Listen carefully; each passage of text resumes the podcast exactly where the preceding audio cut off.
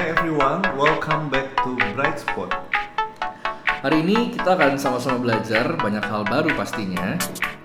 Yuk kita open mind because everyone has their own bright spot to be shared and impact others. So, without any further ado, let's start now.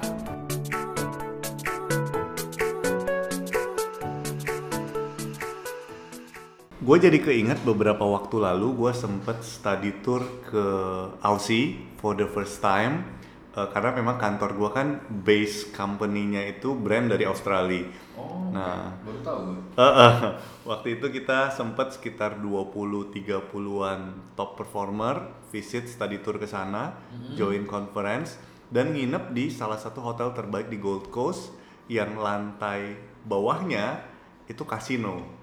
Wow. Jadi ini yang bikin gue excited banget karena siang sampai sore join conference, malamnya kita ke kasino. Dan memang kasino di sana itu kayak eh, kayak bioskop. Weekend weekend itu ada beberapa couple-couple yang memang datang ke sana they, they are having fun gitu loh. Dia kayak nonton bioskop gitu kan. Ya udah dia main just for have fun gitu. Datingnya di kasino. Datingnya di kasino. Oke. Makanya ketika kemarin ngobrol sama Rifan berkaitan tentang judi, gue jadi kebayang-bayang sama momen itu. Momen di mana gue berjudi di kasino gitu kan. Tapi ternyata Rifan benar-benar ngebuka pikiran gue untuk eh, pemahaman yang berbeda tentang dunia saham.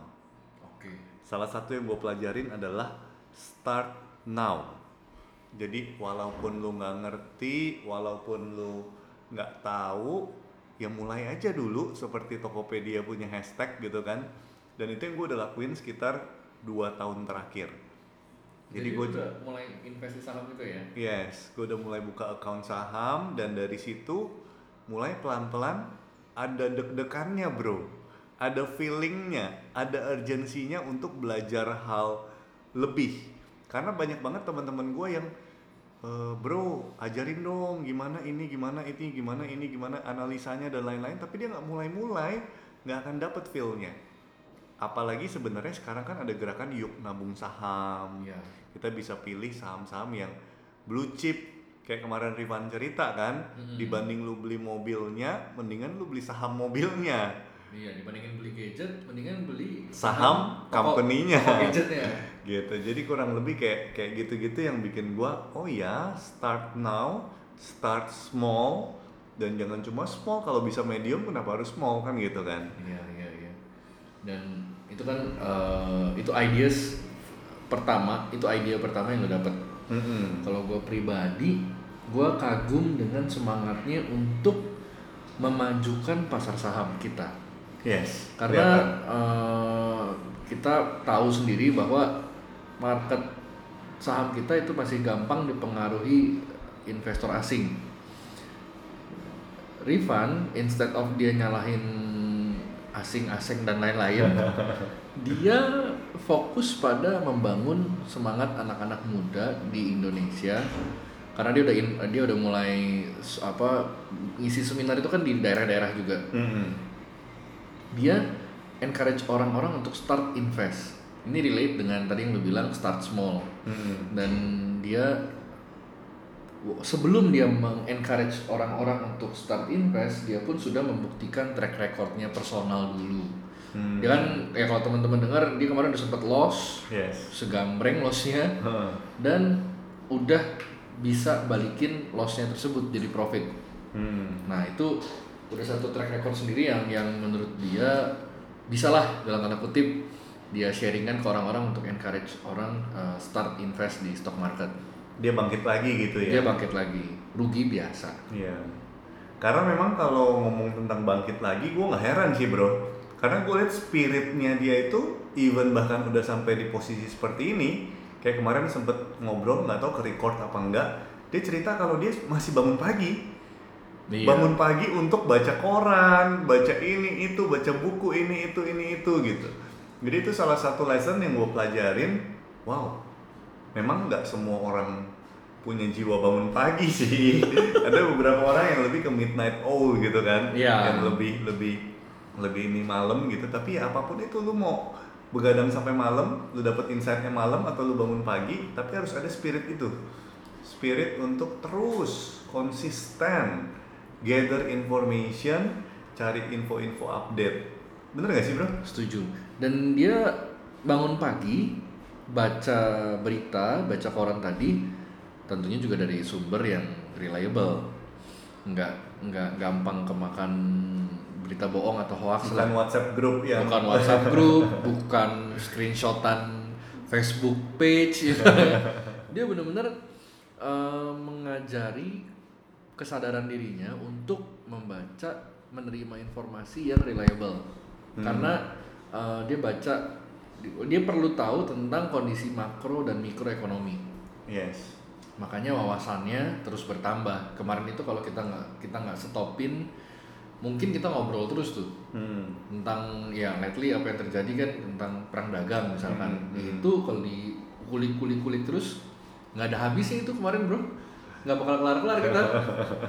Itu aja udah 3-4 jam ya kita ngobrol ya. Iya behind the scene ya kan? Tapi gue setuju banget sih bro, karena relate to kerjaan gue yang di bidang properti, yang di bidang sales gitu kan. Gue sendiri juga harus update sama eh, informasi-informasi terkini, entah itu ekonomi, entah itu saham, entah itu makro, supaya ketika gue ngobrol sama klien-klien, mereka juga nyambung. Karena memang mereka pasti orang yang punya di properti juga punya di saham, Mm-mm. orang yang punya di properti juga punya di obligasi, Iya. sebagian besar seperti itu kan dan mereka juga punya proteksi yang eh, insurance yang tepat untuk properti mereka untuk diri mereka dan lain-lain jadi ketika gua melek tentang itu connectnya lebih mudah lebih mudah ya itu ya mirip dengan apa yang gue alamin di insurance Hmm. di di kerjaan gue eh zaman sekarang orang tuh makin lama makin pinter kan Hmm. dan informasi itu bertebaran makin gampang kita dapat kalau kita mau belajar Hmm.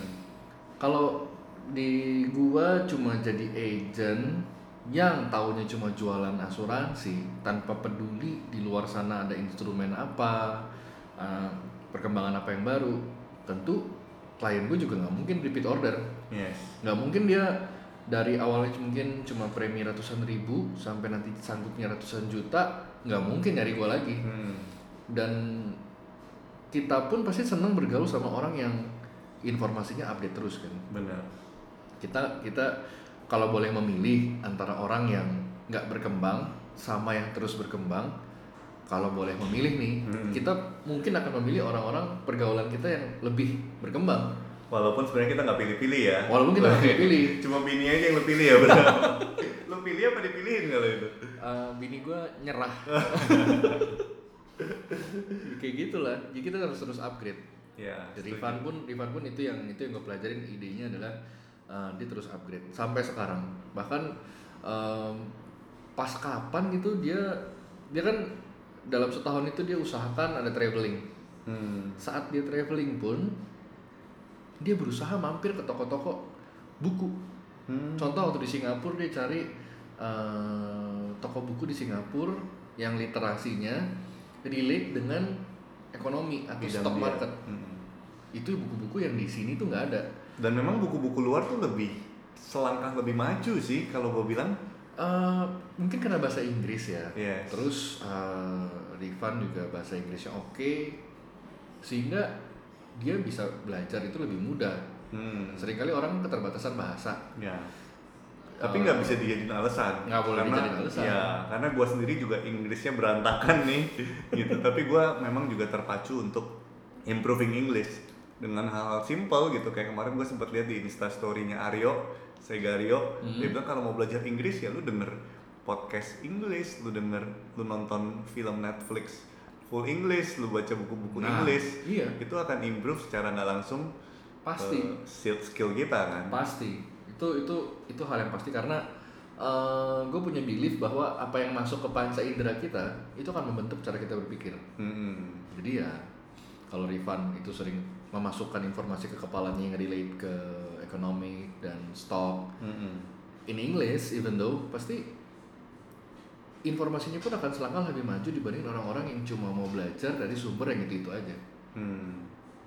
Nah, kalau ngomongin tentang refund kan mostly orang pasti berpikir tentang investasi, tentang edukasi, ada istilah leher ke atas gitu kan. Hmm. Tapi kali ini gue mau bahas sisi leher ke bawahnya.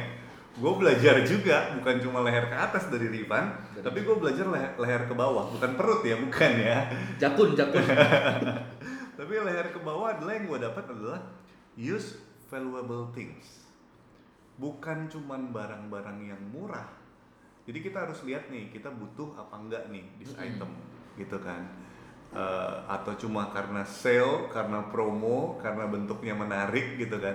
Tapi selain itu gue juga melihat lebih ke eh, barang ini bisa bertahan berapa lama dibanding beli barang-barang yang harganya murah tapi cepat rusak mendingan beli barang-barang yang harganya lebih mahal pas promo belinya di luar negeri karena kadang di luar negeri jauh lebih murah Ada. gitu kan tapi eh, bisa bertahan dan bisa lebih berkualitas lah gitu Mm-mm. itu yang gue dapet sih Satu hal yang pasti, eh, karena kan gue kenal Rifan udah cukup lama ya, Mm-mm.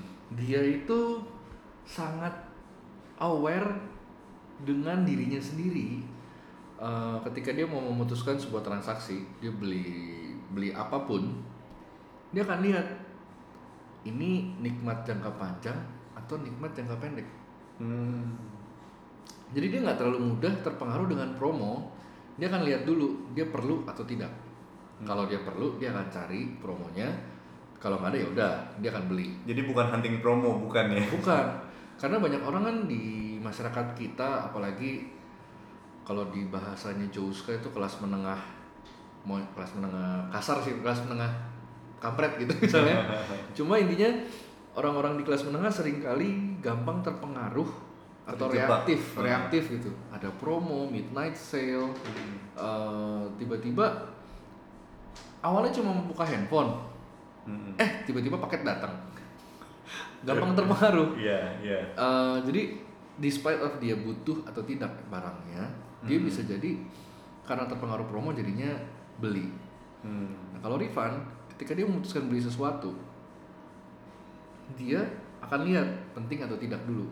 Hmm. Jujur kata nih bro, jujur kata, eh, untuk orang-orang yang tahu nilai, kalau cuma kenal sekedar kenal, nggak kenal dekat, mungkin bisa melihat karakter seseorang yang fokus pada value investing. Short judgementnya bisa bilang pelit Oh gitu. short judgementnya tapi uh, untuk orang-orang gue gue udah kenal cukup lama tadi gue bilang dia benar-benar fokus pada value Dan kita juga udah ngerti pola pikirnya sih. Mm-mm. Makanya kita juga ibarat kata sepaham ya. iya contoh kayak mungkin kayak maaf kata gadget dia kalau mau beli gadget 10 biji yang terbaru pun cash nggak masalah Hmm.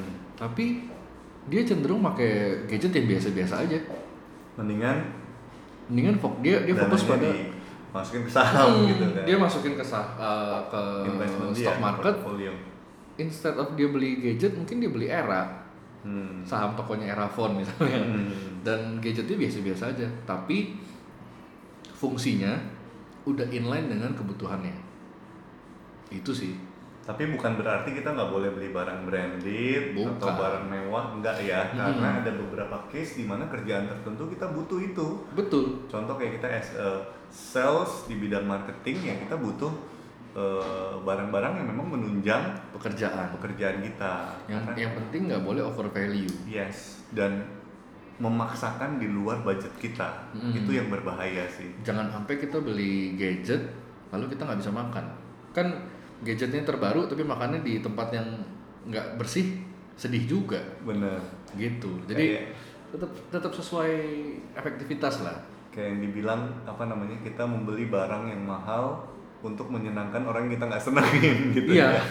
padahal orang-orang yang nggak kita senangin pun juga nggak peduli peduli. sama kehidupan kita Jangan sampai terjebak sama hal-hal seperti itu gitu ya. iya itu itu ideas yang mungkin menurut menurut kita eh, bisa jadi bahan pembelajaran Yes. Udah 15 menit kurang lebih nih, nggak berasa kita ngobrol. as usual ya Iya. Tapi gue berharap ini bisa gue terapin in my real life. wajib dan hopefully juga kita kemarin hopefully hopefully nih ke depannya mungkin kita bisa bikin komunitas orang-orang yang suka belajar ya Yes. Heeh. Sefrekuensi jadinya kan. frekuensi jadi kalau lu bayangin deh kalau di sekitar kita tuh ketemunya orang-orang yang suka belajar terus Pasti kita akan bisa saling ilmu kita mungkin ilmu paling rendah nih kan ilmu kita naik terus jadinya benar, benar. Dan kalau seandainya ada teman-teman yang mendapat manfaat, insight apa pun, teman-teman bisa tag kita di stories mungkin sambil kalian denger eh, podcast ini, kalian bisa tag kita, mention kita dan poin apa sih yang kalian pelajarin juga. Iya. Jangan lupa tag ke Instagram gua @goaditya, golf Oscar Ultra, Alpha Delta Hotel, India Tango Yankee Alpha. dan gue di XTO X-ray Tango Oscar underscore Rojito Rojitonya ejaan lama Romeo Oscar Delta Jakarta India Tango Oscar nanti bisa lihat juga di description Jadul banget ya. Kayak muka lu ya. Oh enggak ya. thank you loh bro thank you I think uh, itu aja buat hari ini. Hopefully we can learn something more di episode berikutnya. oke see you guys